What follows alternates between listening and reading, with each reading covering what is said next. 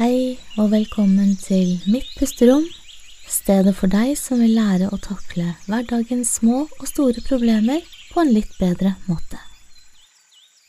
Ja, i dag så fikk du en spennende e-post. Den handlet om hvor ble det av livsgleden?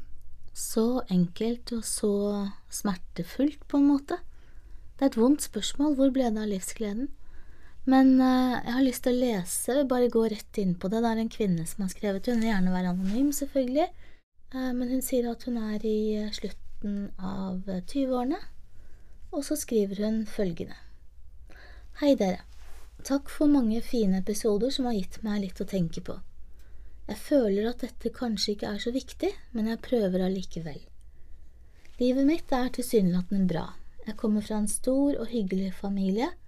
Jeg har fått en snill kjæreste og samboer, har en grei jobb som jeg tjener ok med, og jeg har nok venner. Jeg har klart å komme meg inn på boligmarkedet og har mye jeg burde være stolt av, men jeg føler meg ikke glad. Jeg kan egentlig ikke huske sist jeg var ordentlig glad. Denne damen er ennå ikke 30 år, bare for å ha sagt det. Jeg føler meg utenfor når jeg er sammen med andre, og det er ingen som ser det. Jeg stiller opp og gjør det jeg alltid har gjort, men gleden over det som før var der, er nå borte. Er det virkelig sånn å bli voksen? Eller er jeg deprimert? Kjæresten min vil gjerne starte en familie, men jeg kan ikke forestille meg at jeg har noe å tilby et barn, selv om alle rammene er på plass. Mitt spørsmål er ganske vagt, men det er viktig for meg. Hvor blir det av livsgleden når vi blir voksne? Håper dere kan tenke litt høyt om dette, Tror det er flere enn bare meg som sliter med det, men vi snakker bare ikke høyt om det. Så før vi svarer på hennes henvendelse, la oss tenke, la oss vie det litt ut, da. Fordi jeg har, eh, og i likhet med deg, mange kunder som har mistet livsgleden. Og jeg tror det kan sorteres i ulike kategorier. Det kan være noen mennesker som er såpass stresset i hverdagen at de de har ikke fokus på det som er positivt. Er, de føler hele tiden at livet består av en eneste lang brannslukking. Og hvis du driver og slukker brann, da har du aldri tid til å sette deg ned og nyte sofaen. ikke sant? Um, så det kan være den ene tingen. En annen ting som kan kanskje være her, er, og det har jeg sett med ungdom, er det folk som har blitt avhengig av noe, hvor A dopamin går til den avhengighetstingen. Så ingenting annet Alt annet blekner i forhold til det å gjøre den, den ene tingen. Som f.eks. folk som er avhengig av uh, rus, f.eks. Hvor den eneste glede de har i livet, er de få sekunder, hvis du teller på det, hvor de føler seg høy og fornøyd. Ellers så blir livet hele tiden en jakt på å prøve å få tilbake den gode tilstanden de føler de mangler. En annen ting som slo meg akkurat nå mens jeg hørte på henne, er eh, Anthony Robins og det han snakker om de eh, er det fem eller seks uh, grunnleggende behov. The human needs snakker han om. The ja. human needs. Mm -hmm. og, og, da tenker jeg hvis alt er for trygt, da begynner man å kjede seg. Da trenger man litt variasjon. Så trygghet gjør ikke nødvendigvis at folk blir glad. Du må ha litt variasjon i, i hverdagen. Og så eh, Du kan være trygg og få variasjon, men hvis du ikke føler at du er spesiell for noen, at du er, du er viktig for noen, da har du heller ikke en, da finner du heller ikke en slags livsglede. Og så har du da love and connection, som på en måte ligger litt ovenfor der igjen. Og det er Oftest jeg tenker det å være spesiell henger sammen med love and connection, men det kan være det at uh, jeg er sikker på at du og jeg oppfattes som veldig viktige mennesker for kundene våre, um, uten at det blir forhåpentligvis et kjærlighetsforhold. Så det, den, den dype connection med barn, med livet, med mennesker rundt deg, kan også være en årsak til at man mister litt en tilhørighet, på en måte, da. En tilhørighet. Mm. Og så snakker han om, om, growth og contribution til slutt, da. Og, og, growth handler om å utvikle seg selv. Eksempel variasjon kan du hente ved dra på en ferietur, men det er ikke sikkert du vokser så mye som person på en ferietur. Growth handler om å lære noe nytt og, og utvikle deg selv. Han snakker om en ting til også, det er contribution. Ja, det er den, Den, siste. den er viktig. Mm. Det at man bidrar med noe. Her i Norge så har vi faktisk Vi er litt sånn på frivillighetstoppen i verden, faktisk. Mm. Det er veldig mye Tenk på all idretten som drives, som er av frivillige. Eh, og dugnader er jo et sånn typisk norsk ord. Eh, det å gjøre noe for andre uten at du tar betalt for det, men du gir av din tid og din oppmerksomhet, den, den er viktig. Veldig viktig. Så disse tingene henger gjerne sammen med hva er meningen med mitt liv? Meningen med, med tilværelsen min? Eh, og hvis, hvis, hvis du går og bærer på en historie, eller historier i ditt sinn, da, en slags narrativ hvor du ikke finner noe mening, du har ikke helt kontroll over ditt liv, da, da kan man begynne å, å se litt på et litt større perspektiv da, i forhold til til seks, disse seks behovene som eh, Anthony Robbins eh, har snakket mye om på YouTube og andre steder på nettet. Ja, og jeg har lyst til å ta enda større metaperspektiv, jeg. Ja. For nå har du svart veldig konkret på ting som kan være årsak til at livsgleden forsvinner. Men jeg har lyst til å ta det to steg tilbake, og så tenke hva er egentlig livsglede? Begynne litt der, for at livsglede Jeg syns jeg ser det mest hos helt små barn, for å være ærlig. Frem til de begynner på skolen, når de er sånn ja, mellom kanskje to, tre, fire, fem, da. Der syns jeg at jeg ser den sterkeste livsgleden. Og de er jo så totalt til stede i øyeblikket. De bare nyter, de sanser, de omfavner alle følelsene sine. De uttrykker behovene sine, så det, det høres. Eh, De tar ikke et nei for et nei. De fortsetter å reise seg opp selv om de faller. Og de gjør så mye fordi de ønsker å delta. De deltar i livet, de leker i livet. Og læringskurven er jo vanvittig høy når man er liten. Og hvis du tenker på Martin Seligman og positiv psykologi, som er en god base i det der jeg har, eh, så er jo dette med ekspansjon Det er da vi er lykkeligst, det er da vi har det bra, når vi ekspanderer. Når vi lærer noe nytt, når vi møter noen nye mennesker, når vi får en ny eh, eh, vi, altså vi, vi klarer noe nytt, enten det kan være fysisk eller psykisk. Vi står til eksamen. Vi lærer å sykle. Mestring. Mestring. Den er ekstremt viktig. Og da, det, det skjer jo bare når vi går ut av komfortsonen, og det er dette her som barna gjør hele tiden. Men så blir det et eller annet når folk kommer i Eller når disse barna, da, når de kommer i eh, barnehagen, og så skjer det noe annet. De begynner å bli veldig opptatt av 'jeg er meg', og 'du er deg'. Og så begynner de å sammenligne seg litt, og da kan det gå litt skeis noen ganger. For plutselig så begynner de å se på 'du har større bil å leke med enn meg', eller 'pappaen din er sterkere enn min', eller 'mammaen min, hun er sånn og sånn, hun lager bedre boller', eller hva det nå enn måtte være.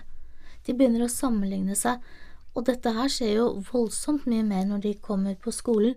Så kommer sammenligningene i mye større grad, for da sitter de på De sitter i et rom, og så begynner de å se på at de andre kanskje klarer å skrive navnet sitt, og det klarer de ikke selv, eller kanskje de ikke klarer å si R. Eh, De sliter med det, eller de ser at andre kanskje har finere klær enn dem, pappaen eller mammaen har en finere bil. De begynner å sammenligne seg, og det tror jeg kanskje er da det begynner å tukle seg litt til. For noen, ja. For noen. Mm. For, så, så tilbake til hva er livsglede. Jeg tenker når man er sånn i fri utfoldelse i livet og deltar og leker og lærer i livet, der tenker jeg er livsglede. Og denne kvinnen her, nå vet vi vet ikke så mye mer om henne enn det hun skrev her, da. Men jeg hører jo når hun skriver dette her, at um, i hvert fall det går en liten alarm i hodet mitt når det står 'jeg føler at dette ikke egentlig er så viktig'. Da går det en liten alarm. Mm. Hun er ikke engang 30 år, og hun sier at hun har mistet livsgleden. Visst er dette viktig. Og det er også viktig, og jeg synes det er kjempefint at hun skrev det, fordi jeg tror det er mange flere enn som hun sier, enn de som vil innrømme det, som føler det på denne måten, som kanskje føler at livet ble ikke helt sånn som man drømte om eller håpet eller noe sånt, det bare, man gikk inn i en eller annen sånn tralt. Og så, og så er det nå en gang sånn, og så ble det den mannen, eller det ble den dama, og så bare ble det sånn. La meg skyte inn et her, da, fordi det er veldig viktig hvis du mangler energi, at du går til legen og tar en fullstendig sjekk. Selvfølgelig. Bare for å utelukke eh, en eller annen sykdom eller en mangel på noen vitaminer eller mineraler. Eller andre ting. Og barn, spesielt småbarn, de er fylt med eh, sunne og friske mikrokondrier, nei, mitokondrier. Mitokond- Mitokondrier. Ja, Mhm. som er eh, den delen av cellene i kroppen som, om, som gjør at vi har energi. Det var det jeg liksom så i hodet mitt. Jeg klarer ikke å uttale det. Kan du uttale det en gang til? Mitokondrier? Mitokondrier. Nei, mitokondrier. Mitokondrier. Der, ja. Ja. Og, og disse cellene er helt nye, og det er klart at de har masse, masse gratis energi. Og etter hvert som vi blir eldre, så fungerer det dårligere, vi har ikke den samme energitilgangen, men det betyr ikke at man trenger å miste livsgleden, selv om du kanskje har lite energi. Så det er veldig viktig å være obs på at det finnes en fysisk element her. Det er kanskje normalt for mange folk når de blir litt eldre at det er at det er mindre energi tilgjengelig i, i kroppen. Men at vi må da kanskje ha gode måter å tenke på som gjør at vi finner livsgleden selv om vi ikke er den vitale, unge personen vi kanskje en gang var. Og jeg husker jeg hørte om en dame som som eh, en eldre dame som var veldig syk i sine eldre dager. Og så folk spurte ja, hvordan går det med deg, hvordan har du det? Nei, jeg har det helt utmerket, sier hun. Så ja, men hvordan er det mulig, da? Du orker ingenting, du bare sitter i en stol.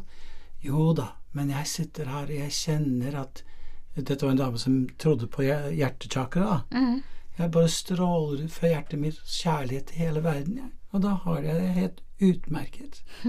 Så hun trengte ikke mye energi for å føle at hun var betydningsfull, at hun bidro til å gjøre verden litt bedre. Mm. Fordi hun hadde den troen på at jeg bidrar gjennom å høyne frekvensen til menneskets bevissthet. Ja. Ja. Og, det, og da, da er vi tilbake til at det kan Vi kan av og til gjøre det litt for vanskelig. Ja. Da blir det innvikling kontra utviklingen igjen. Mm. Litt tilbake til positiv psykologi igjen. Det motsatte av ekspansjon er jo implosjon, ikke sant? At det bare blir mindre og mindre og mindre. Og det er jo litt den der komfortsonen vår også som kan skrumpe litt når vi ikke holder den ved like.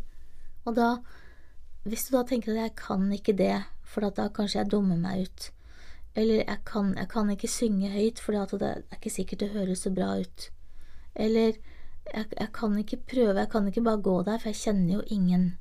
Altså, alle disse begrensningene, det gjør at vi blir for mindre og mindre komfortsone, og da blir den komfortsonen ikke spesielt komfortabel etter hvert, for den blir for liten. Så hver gang du kjenner at du er litt bekymret for noe, du er litt redd for noe, du trekker deg unna, du begynner å si litt mer enn nei, så, så er det viktig, sånn som vi har snakket om mange ganger, sett på bremsen, og så kjenn litt etter hva det det egentlig handler om.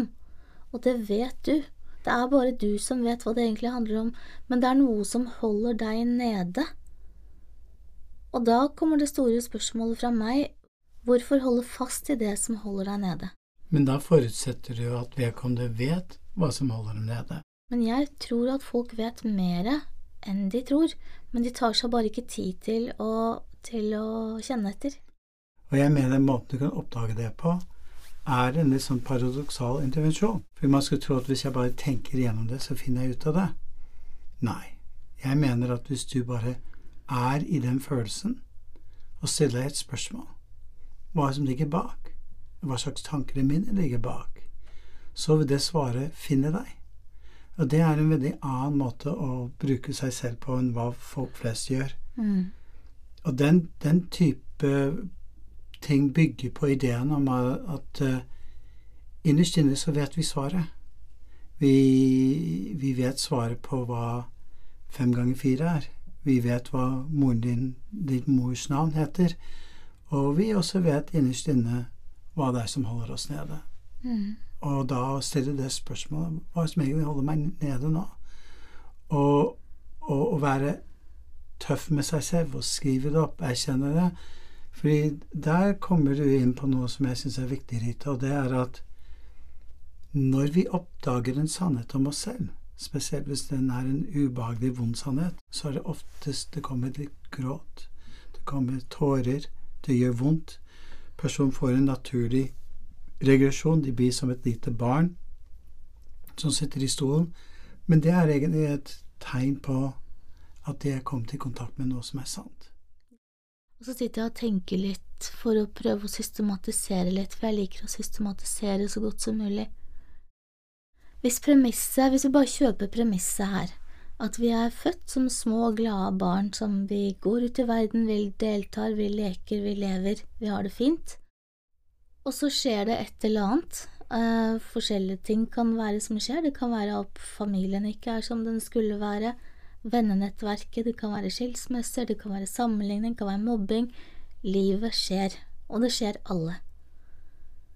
Um, men så må vi begynne å systematisere litt. Rane. Hva er det Punkt én, hva er det som hindrer deg i å ha det bra? Og det tror jeg, sånn som du også går litt med på, de fleste av oss vet det og det er som regel bare oss selv. Det er veldig sjelden det er noe der ute som sier at på grunn av det så kan jeg ikke ha det bra. Det, for da, da, gjør vi oss til et offer. Det er i hvert fall en oppskrift på å miste livsgleden. Hvis du tror at du er hjelpeløs, du er, du er et offer for omstendighetene. Altså, la oss si at du har en, en jobb som ikke du liker. Fordi at jeg har en dårlig sjef, så har jeg det ikke bra. Nei, fordi det, det blir feil, for da blir du et offer. Tenk da heller at hva hindrer deg i å ha det bra når du har den sjefen? Du kan enten studere videre, du kan skifte jobb, du kan skifte avdeling, du kan si fra. Du har mange muligheter til å kvitte deg med den sjefen. Og bare så folk er obs på det, vi bor i Norge. Ja. Det fins ganske sterke lover i forhold til å beskytte arbeidstakeren. Det også. Så det å si nei, det å sette grenser, det å være tydelig i forhold til en sjef som er urimelig, mm. er også en annen strategi. Og hvis det ikke er sjefen, men kanskje noe mer på hjemmebane, da, hvis det er noe som hindrer meg å ha det bra, eller at jeg har en partner som ikke forstår meg, eller som er kanskje til og med slår meg, eller som eh, ikke respekterer meg, hva det nå enn er for noen ting, adresser det, jobb med problemet, eller kvitt deg med han. Altså, Jobb med løsningene, ikke bare si at det bare er sånn. Jeg er helt allergisk mot det ordet, det bare er sånn. Det gjør så enormt stor skade fordi vi går inn i en hjelpeløs tilstand som gjør at vi blir deprimerte til slutt, for da, hvis det ikke går, så er det så mye annet som ikke går òg. Det å være i en offerrolle det er noe av det som suger mest energi fra oss, og som kanskje tar mest livsglede fra oss, tror jeg. Så da, tilbake til hva hindrer deg å ha det bra? Kan du gjøre noe med det? Hvis ikke, du, hvis ikke du kan gjøre noe med det, så må du akseptere det. Og hvis ikke du kan akseptere det, så må du akseptere at du ikke kan akseptere det. Og så syns jeg du skal ta en telefon til en terapeut som kan hjelpe deg videre gjennom å sortere litt. Og så begynne å tenke på hva var det som gjorde meg litt glad før. Jeg hadde, hadde en kvinne for mange år siden. Hun eh, hadde Hun var hun var tidligere danser. Og så hadde hun ødelagt en fot, og så hadde hun sluttet å danse profesjonelt. Og så hadde hun begynt som, jeg vet ikke, noe med regnskap eller noe som var i hvert fall veldig teoretisk. Hun fikk barn og mann, eller den rekkefølgen av mann og barn, og, og, jobbet med et eller annet teoretisk som hun syntes var greit betalt, men det ga henne ikke noen glede. Hver gang hun begynte, prøvde å danse, så syntes hun at det var så dårlig i forhold til hva det var før. Så da gjorde hun aldri det, hun danset ikke på fest engang. Og så når vi gikk gjennom dette her, så avdekket vi jo ganske Hennes livsglede var bare helt på bånn. Og hun sa jeg ser på barna mine, jeg vet jeg er glad i dem, men jeg kjenner det ikke. Så hun hadde kommet ganske langt inn i en depresjon. Hun hadde sluttet helt å ha sex med mannen sin, hun trakk seg unna, begynte å isolere seg. Så begynte vi å avdekke litt av hva det egentlig handlet om, og det, vi gikk altså 15 år tilbake til da hun hadde danset og følte at hun kunne flyte, hun, hun danset profesjonelt, hun hoppet og tok piruetter og var fantastisk flink, så i hennes hode så var det dans, og alt annet, det funket ikke. Så begynte vi da selvfølgelig å anerkjenne at ok, er det andre måter å bevege kroppen på? Og så lekte vi mye på kontoret. For jeg prøvde jo da selvfølgelig å danse for henne, for å vise at uh, jeg kan ha det gøy hvis jeg danser på denne måten. Og da begynte hun å le, for jeg er ikke så flink til å danse akkurat, jeg kan litt, rane, men ikke veldig mye. Jeg kan noe salsa moves og sånt noe, så jeg prøvde å vise henne det, men da sa hun nei, nei, Merita, du, du skjønner ikke det du må huske på den. Plutselig så reiste hun seg opp, og så begynte hun å vise hva man skulle gjøre med armen og strekke den helt ut, og passe på at hoftene vrikket akkurat på den måten. Plutselig så sto damen der og viste meg hvordan salsa skulle gjøres. Morsomt. Og da spurte jeg henne da, og hun lo jo av meg, så når jeg prøvde å gjøre det dårligere enn det jeg egentlig kunne, så begynte hun å le litt, så sa Merita, så håpløs er du ikke. Og så sa hun, vis meg, da.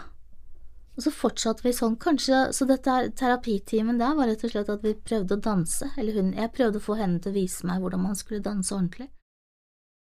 Etter eh, 20 minutter med litt svette og mye latter, så satte hun seg ned i, eh, i stolen, og så spurte jeg hvordan har du det nå, og så begynte hun å le, og så begynte hun å storgråte. Og så sa han herregud, det er første gangen jeg har grått eller kjent noe på så lenge. Og han sa jeg vet ikke, jeg har lyst til å le, men så har jeg lyst til å gråte, og så tok vi det derfra. Heldigvis så var hun sist på, sist på eh, dagen, så vi bare satt og jobbet videre, så vi satt faktisk og jobbet med henne i to og en halv time. Men det var viktige to og en halv timer, og det endret alt. Plutselig så fikk hun kontakt med følelsene igjen, for nettopp dette med livsglede for å kjenne livsglede, så påstår jeg at du også må være villig til å kjenne på smerte. For det motsatte er jo liksom at vi blir flate, vi blir likegyldige til ting. Så hun hadde forsøkt å bli likegyldig til det hun elsket mest i hele verden. Kanskje en måte å tenke på det på er i forhold til det vi har snakket om tidligere, med innvikling. Hvis du hele tiden tenker over hvordan ting burde være, hvordan ting skal være, og du jager etter det, da har ikke du den ekspansjonen som du snakker om. Det er ikke noe mer lek i livet. Alt skal være korrekt, alt skal gjøres riktig, alt som skal Så livet blir en eneste lang prikkløp. Og da, da mister man livsgleden. Og, og, og, det kan være én måte man holder seg selv nede. Jeg liker veldig godt den tanken om å snu det litt på hodet og si dette er noe jeg gjør. Det er jeg som frarøver meg min livsglede. Og når vi sier det, det kan høres provoserende ut, men det er ikke noe man gjør med vilje. Det er bare blitt sånn i forhold til at man har utviklet en dårlig eh, tankevaner. Og, men det er stor forskjell på å si, Sigurd, og det har blitt sånn, kontra det å si det bare er sånn. Mm, mm. For hvis det har blitt sånn, så anerkjenner du at jeg har fått noen dårlige vaner, mm. og det er jeg som har holdt det selv i live. Hvis du sier at det er sånn, så påstår du at det ikke kan endres. Så jeg blir ikke sint når du sier at det har blitt sånn. ja, sånn er det, da. sånn er det. Men, men, jeg tror du er inne på noe, så det å, å tenke da livsglede og det å delta i livet uh, uten for mange filtre, uten for mange ting man burde eller skulle ha gjort, gjøre det på en spesiell måte, danse på en spesiell måte um, jeg vet ikke, det, det, blir for mange betingelser. Og disse modale hjelpeverbene burde, skulle, måtte. Mm. Mm. Jeg må bare ha nye sko eller ny kjole for å gå på den eh, festen. Eller jeg må gå ned i vekt før jeg kan gifte meg, omtrent. Det er noen som har sagt det på kontoret mitt òg. De har vært sammen i 12-15 år. Og så sier kona men jeg må jo gå ned i vekt, jeg kan ikke se ut sånn på bryllupsdagen, men jeg må gå ned i vekt så må man gå ned i vekt for å feire kjærligheten. Altså, dette er mannen som du har vært sammen med, som du elsker, de har et kjempegodt forhold, men hun kan ikke gifte seg fordi hun må gå ned i vekt først. Og det også å holde tilbake livsgleden, mener jeg da. Det er mange eksempler på det. Jeg er veldig enig. Mm. Veldig enig. Hvis vi tenker på den henvendelsen vi fikk her, da, så er det ve- veldig viktig at denne damen stopper litt opp og erkjenner at hun vet svaret. Og her er clouet. Hun må stå i den vonde følelsen av å føle at hun ikke er glad. Og så må hun da, når hun kjenner den følelsen, stille seg selv et spørsmål. Hva er det dette egentlig handler om? Det er ikke sikkert hun får svar første gang. Men jeg tror kanskje at hun virker såpass tung, og når hun skriver det også, og det at hun prøver å gjøre det mindre enn det det egentlig er, jeg vil anbefale henne veldig sterkt å oppsøke noen. For det er veldig godt å, i hvert fall i hennes tilfelle, da, for det er veldig godt å få noen nye øyne. Hun har bedt oss om å snakke generelt om dette, med livsglede, men i hennes tilfelle så håper jeg at hun gjør det. Ja, men jeg har lyst til å være litt praktisk for lytterne, Ja, absolutt. så at de forstår hva de kan gjøre når de enten selv er i en sånn situasjon, eller hvis de møter en sånn person som er i den situasjonen. Og det er først og fremst tør å stå i den vonde følelsen. For veldig oftest folk begynner å glede seg til fredagen eller torsdagen eller lille lørdag og drikke vin og sånne type ting for å komme unna den vonde følelsen. Nei, du skal ikke gjøre det. Du skal stå i den følelsen, men du skal ikke dyrke den. Du skal ikke la deg selv gå i offerrollen. Og så skal du bare kjenne hva er det som egentlig ligger bak. Og når du blir bevisst det, da kan du begynne å komme deg litt ut av en offerrolle. Da fordi da kan du begynne å tenke ja, men det er jeg som skaper det, med måten jeg tenker på, måten jeg oppfatter verden rundt meg, måten jeg forholder meg til mennesker. Eh, jeg, jeg kan ikke danse lenger, for jeg er ikke like flink som jeg var før. Så det blir en måte man begrenser seg selv på. Og når du anerkjenner hvordan man gjør det, hvordan man begrenser seg, så er det viktig å begynne å gjøre det motsatte, da, stort sett. For det også syns jeg du er veldig god på, Rita, og det er at du sier løsningen ligger i det motsatte. Men det spørs hvor mye energi du har, da. Hvis du nesten har null energi, så vil også det være vanskelig å gjøre noe i det hele tatt. Ja, og da forutsetter jeg da at hvis du vet at du har null energi, men du vet at du egentlig ikke er syk, du vet at kroppen egentlig fungerer, da har du mye mer å gå på enn det du er klar over, og at en energitap er et resultat av måten du tenker på. Tør å stå i den følelsen at det er litt lite energi, og stille deg selv følgende spørsmål hva som egentlig ligger bak det.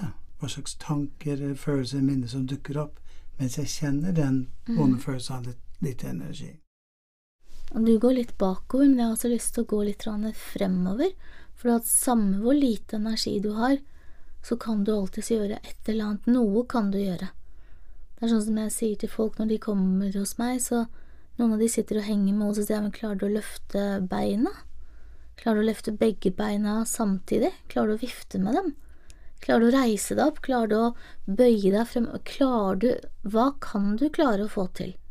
Fordi vi får ikke energi ved å sitte helt stille og tenke at livet mitt er helt pyton. Vi får energi ved å kjenne mestring. Og da tilbake til noe vi har snakket om her mange ganger før, men noe som jeg bruker med stort hell på mine klienter. Det er den der timinuttersregelen. Gjør et eller annet i ti minutter. Men sett deg Si at nå skal jeg for eksempel rydde soverommet så mye som jeg kan på ti minutter. Ikke si at du skal rydde ferdig på ti minutter, men si jeg skal rydde i ti minutter og se hvor bra det blir. Jeg skal øh, trene litt sånn hit-trening, eller sånn der high intensity training, i ti minutter, og kjenne hvordan det føles etterpå. Vær fornøyd med at du gjennomførte det. Jeg skal eh, kanskje stryke klær i ti minutter. Sannsynligheten er veldig stor for at det blir mer enn ti minutter når vi først er i gang med det. Når vi først er i gang, så får vi energi. Så hva kan du klare å få til? Det er Ja, viktig. ja, og da er du i tråd med f.eks. Jordan Peterson snakker om folk som er alvorlig deprimert, Mm. og han bruker akkurat samme teknikken som Mm. du snakker om der, og det gjør også jeg. Det som kan være problem med noen mennesker, er at hvis de gjør noe, selv om det er bare en bitte liten ting, så betaler de en så utrolig dyr pris etterpå. Og så, ok, så rydder de i ti minutter, men så er resten av dagen ødelagt, for de har ikke noe mer energi. Ingenting å gi etterpå. Mhm. Så da er det viktig å tilpasse de ti minuttene i forhold til så du ikke ødelegger resten av dagen, tenker jeg. Da må du jo ta og Akkurat sånn som du investerer penger, og du skal investere der du får litt renter. Du må gjøre noe der du vet at du får en bra uttelling. Mm. Det er viktig. Når det kommer til livsglede eh, og depresjon, da, som det egentlig også nærmer seg litt her, i hvert fall, Mm. så er det jo ikke tvil om at dette med tilhørighet og andre mennesker, den sosiale biten, er ekstremt viktig. Fordi det farligste man gjør, tror jeg, eh, å sitte alene på hver sin tue og tenke at livet er kjørt. Eh, Det er ikke noe livsglede igjen, det er ingen som ser meg, det er ingen som hører meg, det er ingen som er interessert i å være sammen med meg, jeg har ikke noe å bidra med, så jeg må bare holde meg for meg selv. Og da blir det veldig stille, det blir veldig ensomt, og det blir Det er oppskriften på å holde seg selv deprimert. Eller gjøre seg selv faktisk også mer deprimert. Det er jo forskjell også på introverte og ekstroverte. Jeg er veldig introvert, selv om jeg er på jobben, så er jeg veldig ekstrovert. Og er veldig til stede og liker å være sosial på jobben, men jeg klarer jo ikke å lade opp sammen med folk, jeg lader opp alene i stillhet. Selv om jeg snakker som en foss, så elsker jeg stillhet. Så da må man også tenke på hvor er det jeg lader opp, for eksempel. Eh, Det, det er viktig, man ser litt på personligheten der, men selv for introverte så er mennesker viktig. Selv om jeg har sagt mange ganger at jeg kunne vært kanskje tre måneder til og med på en vet ikke jeg, C-seter helt alene uten internett, og det tror jeg hadde egentlig hatt det veldig fint så lenge jeg hadde hatt penn og papir, men jeg hadde savnet klemmer, jeg hadde jo savnet mennesker, men det hadde nok gått lettere for meg enn mange andre. Så selv samme, for jeg er ekstremt introvert, så selv for meg så Selv jeg trenger mennesker, det høres litt rart ut, men, men, eh, men man kan kanskje ha en atferd som kan se deprimert ut, at man sier nei til mye fordi man egentlig er sliten og trekker seg unna. Så dette er i forhold til den kvinnen som spør òg. Det hadde vært litt interessant å vite liksom, hva, hvor er det hun vanligvis lader opp, da? Er det Kanskje hun ikke får nok alenetid til å tappe innover og kjenne hva er det jeg lengter etter, hva er det jeg har lyst til, hva er det jeg har glemt å gjøre, hvordan, hvordan var jeg glad før? For noen mennesker, som du begynte å si i introduksjonen også, de har såpass fulle og stressede liv at de kan, og det ser tilsynelatende bra ut, de kan gå på jobb, de kan trene, de kan dra på fest i helgene, men så føler de allikevel at livsgleden er lav, fordi at de bare gjør det de alltid har gjort, men de har kanskje, la oss si for en introvert, jeg ville jo blitt deprimert av en sånn livsstil, hvis jeg skulle være sammen med mennesker hver eneste kveld. Det hadde ikke funket for meg, da hadde jeg mistet meg selv, for jeg må ha tid til å være alene i ro og tenke, skrive, reflektere, bare være sammen med meg, og så har jeg masse å gi når jeg går ut etterpå. Så ja, jeg forstår, og det er viktig å, å erkjenne, erkjenne hvor man ligger på den skalaen for å være introvert kontra ekstrovert, eh, og tilpasse det i forhold til seg selv. Og bare for å underbygge vårt argument Jeg husker jeg leste en studie om et aldershjem. Og i den ene etasjen i aldershjemmet så skulle de gamle få alt servert ferdig. De hadde ikke noe ansvar for noen ting. Og i annen etasje, de som bodde i samme aldershjem samme mat og samme personale, de gjorde en enkel intervensjon. De skulle ta seg av interiør. Passe på at planter var i orden, de skulle finne ut hva slags bilder de ville ha på veggen osv. Og, og dødelighet blant dem var mye lavere. Mm. Jeg tror de levde i gjennomsnitt eh, For dette er jo veldig gamle mennesker som er, er egentlig døende, men de hadde en gjennomsnitts eh, levealder på seks måneder mer. Så det å ta tak i noe, det å ta ansvar for noe, kan gi mye livsglede. Eh, Så, så, så den er en, en, en veldig viktig bit av den eh, handlingen her. Hvis du tar tak i ting og gjør ting, og du ikke Og det eksempel, la oss si det er eh, med unger, da. Ja, du ordner og styrer og fikser, men kanskje du savner noe som du gjør for deg selv. Og da får du ikke den gleden av å, å være god mot ungene dine, da. Og da er vi tilbake til den balanse igjen, da. Selvfølgelig skal man i en familie, så skal man kompromittere. Man skal ta vare på helheten og alle sammen og andres behov, men også dine. Dine egne behov er faktisk også viktige, for det, ellers så vil du bare en dag begynne å få hva heter det, resentment på engelsk. Ja. Du vil begynne å få en motstand, en kraftig indre motstand, mot å gjøre det du tidligere kanskje syntes var helt ok å gjøre, fordi du begynner å bli tatt for gitt, for eksempel. Og det kan jo også fort skje. En, en annen ting som gjør at den livsgleden kan forsvinne litt, tenker jeg på nå, er jo hvis du hele tiden går rundt og presenterer en uh, side av deg selv som ikke er ekte. For det er én ting som jeg har lagt merke til, er at det er så veldig mange som bruker energi på å uh, vise at de er en som de ikke egentlig er. Og det er det som den lille flagget som jeg ser da når jeg leser brevet hennes. For hun sier at jeg gjør det som jeg alltid har gjort, og jeg later som om ting er bra. Men det er klart at hvis hun da går ut og viser, tar på seg en maske, og blir møtt på den masken der, så er det jo allikevel ingen som ser henne. Så, så jeg tror livsglede også handler om mang, altså litt eh, at man føler at man har en tilhørighet, man deltar. Hva er det motsatte av ensomhet? Det å være alene og det å være ensom er to vidt forskjellige ting. Enig. Så så igjen, kanskje, kanskje hun må se litt mer på seg selv i forhold til eh, hvor mye energi bruker hun egentlig på å late som om alt er bra, da? Hun bruker så mye energi på å late som alt er bra at hun ikke har noe energi til å delta og faktisk føle det hun føler etterpå. Gode følelser. Hun bare La oss si hun sier at hun har en kjæreste og en samboer, så da regner jeg med at de har sex eh, regelmessig. Hun er i tyvetallet, han har lyst på en familie. Kanskje hun er mer opptatt av at hun ikke skal bli gravid når hun har sex, fordi at hun er ikke klar til å bli mor ennå, enn å faktisk nyte det å ha sex med kjæresten sin. Det vil gå ganske kraftig utover livsgleden hennes, for eksempel. Ja, ja. Nå er det bare gjetting her, da. Men det er bare som et eksempel, så hvor er tankene dine når du gjør det som tidligere gjorde deg glad? Er du til stede, eller driver du bare og tenker på at det var morsommere før? Vi må ta forbehold. Kanskje hun sliter med noen traumer hun ikke er klar Mm. over. Absolutt. Så jeg er enig med deg. Hun som jeg har fått den e-posten fra, vil jeg anbefale at hun oppsøker en psykolog eller en god terapeut for å prøve å komme til bunns og finne ut hva det dreier seg om.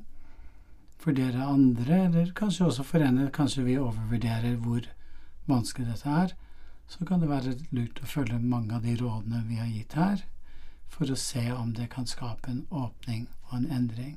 Og da tenker jeg til slutt at hvis du er heldig og har noen barn rundt deg, så er det en veldig fin måte å få opp livsgleden på.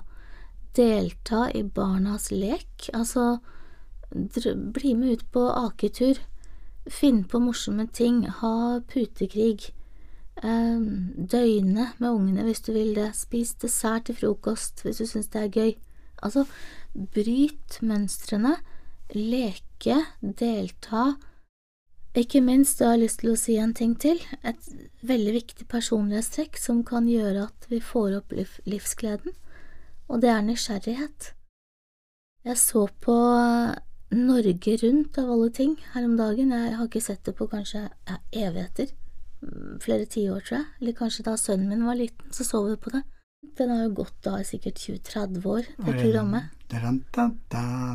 Helt riktig. Den melodien er der. den der, den, og den er der ennå, den melodien. Okay, ja. Og den, kom, den gikk over da fra Dagsrevyen over til Norge Rundt. Jeg, jeg sang og- mest den melodien nå for at lytteren skulle kunne le av hvor dårlig jeg er til å kjenne igjen melodier. Men du var god til å huske riktig melodi. Var det det? Ja, okay. Det var faktisk det, så Wow. jeg skjønte det med en gang. Mm. Men det som var så fascinerende, da, da gikk det over til en sånn gruppe, jeg husker det var trollgruppa, eller sånn, jeg husker ikke hva det hette for noe, men det var da noen foreldre som bestemte seg for å ta med ungene sine ut, ofte på oppdagelsesferder.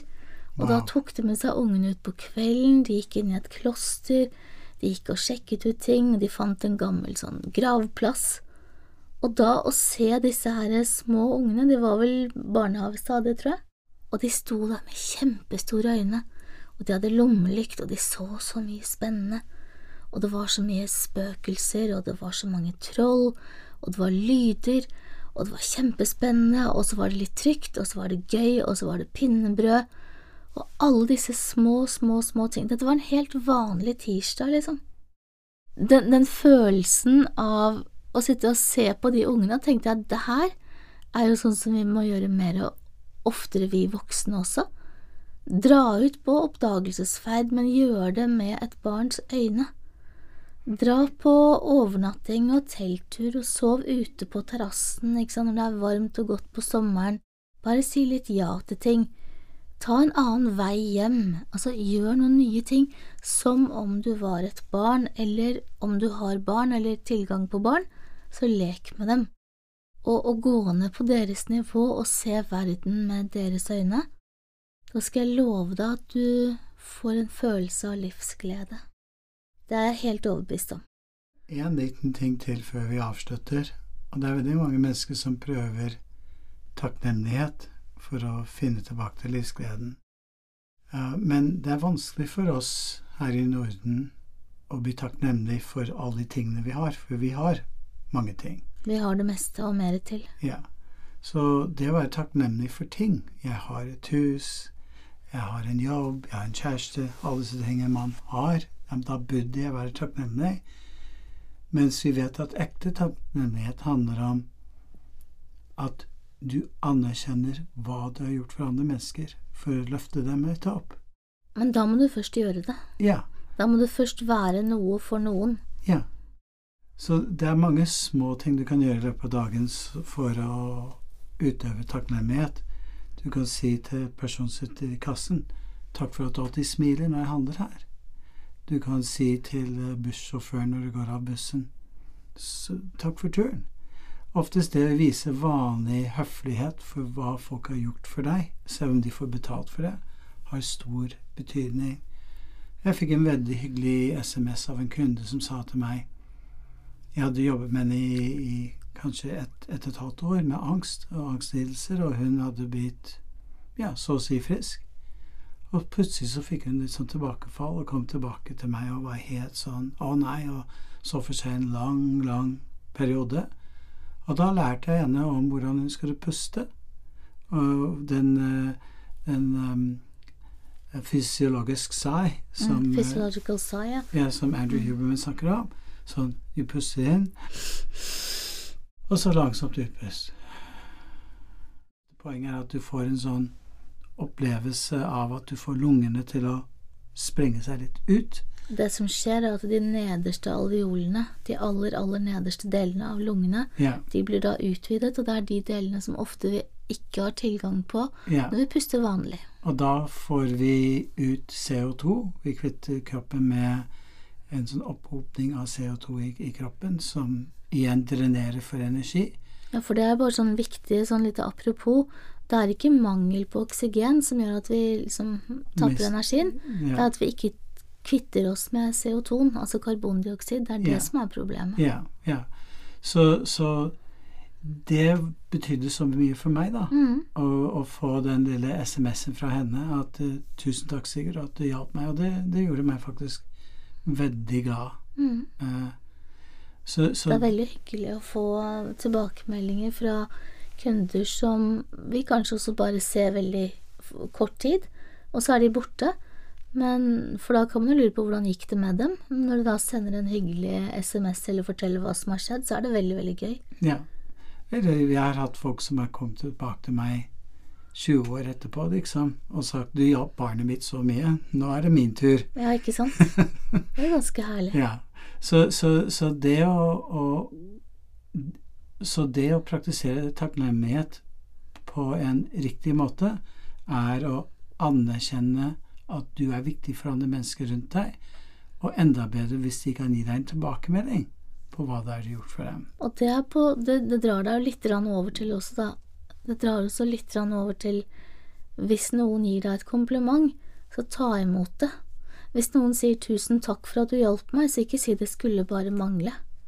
Altså, ta imot når folk eh, viser takknemlighet til deg, så vil du føle deg veldig mye bedre.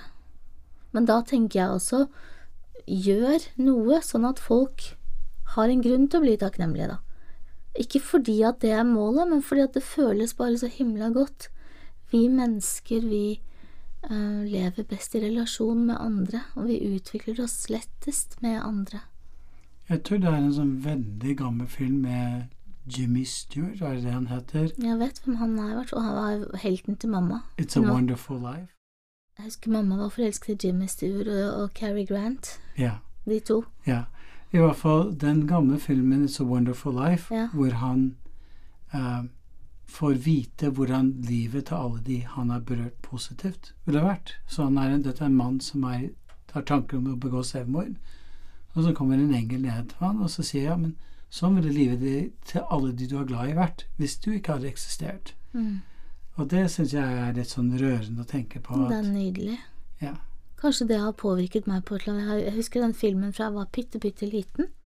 Det er en gammel film, men eh, kanskje den har påvirket, nudget meg litt til å tenke at meningen med mitt liv er å gjøre verden litt bitte grann bedre for de som jeg møter. Jeg tror vi skal ta en filmkveld, jeg og Rita, og se på den filmen sammen. Kanskje vi må gjøre det? Det Mhm. høres ut som en hyggelig kveld. Og med det så sier vi vel sakte og sikkert takk for oss igjen. Det ble her en veldig lang episode, men sånn blir det av og til. Det var et viktig tema, jeg håper du har fått litt å tenke på. Hvis du har lyst til å vite mer om oss, så sjekk ut mittpusterom.com, og send oss veldig gjerne flere spørsmål. Vi elsker å løse problemer.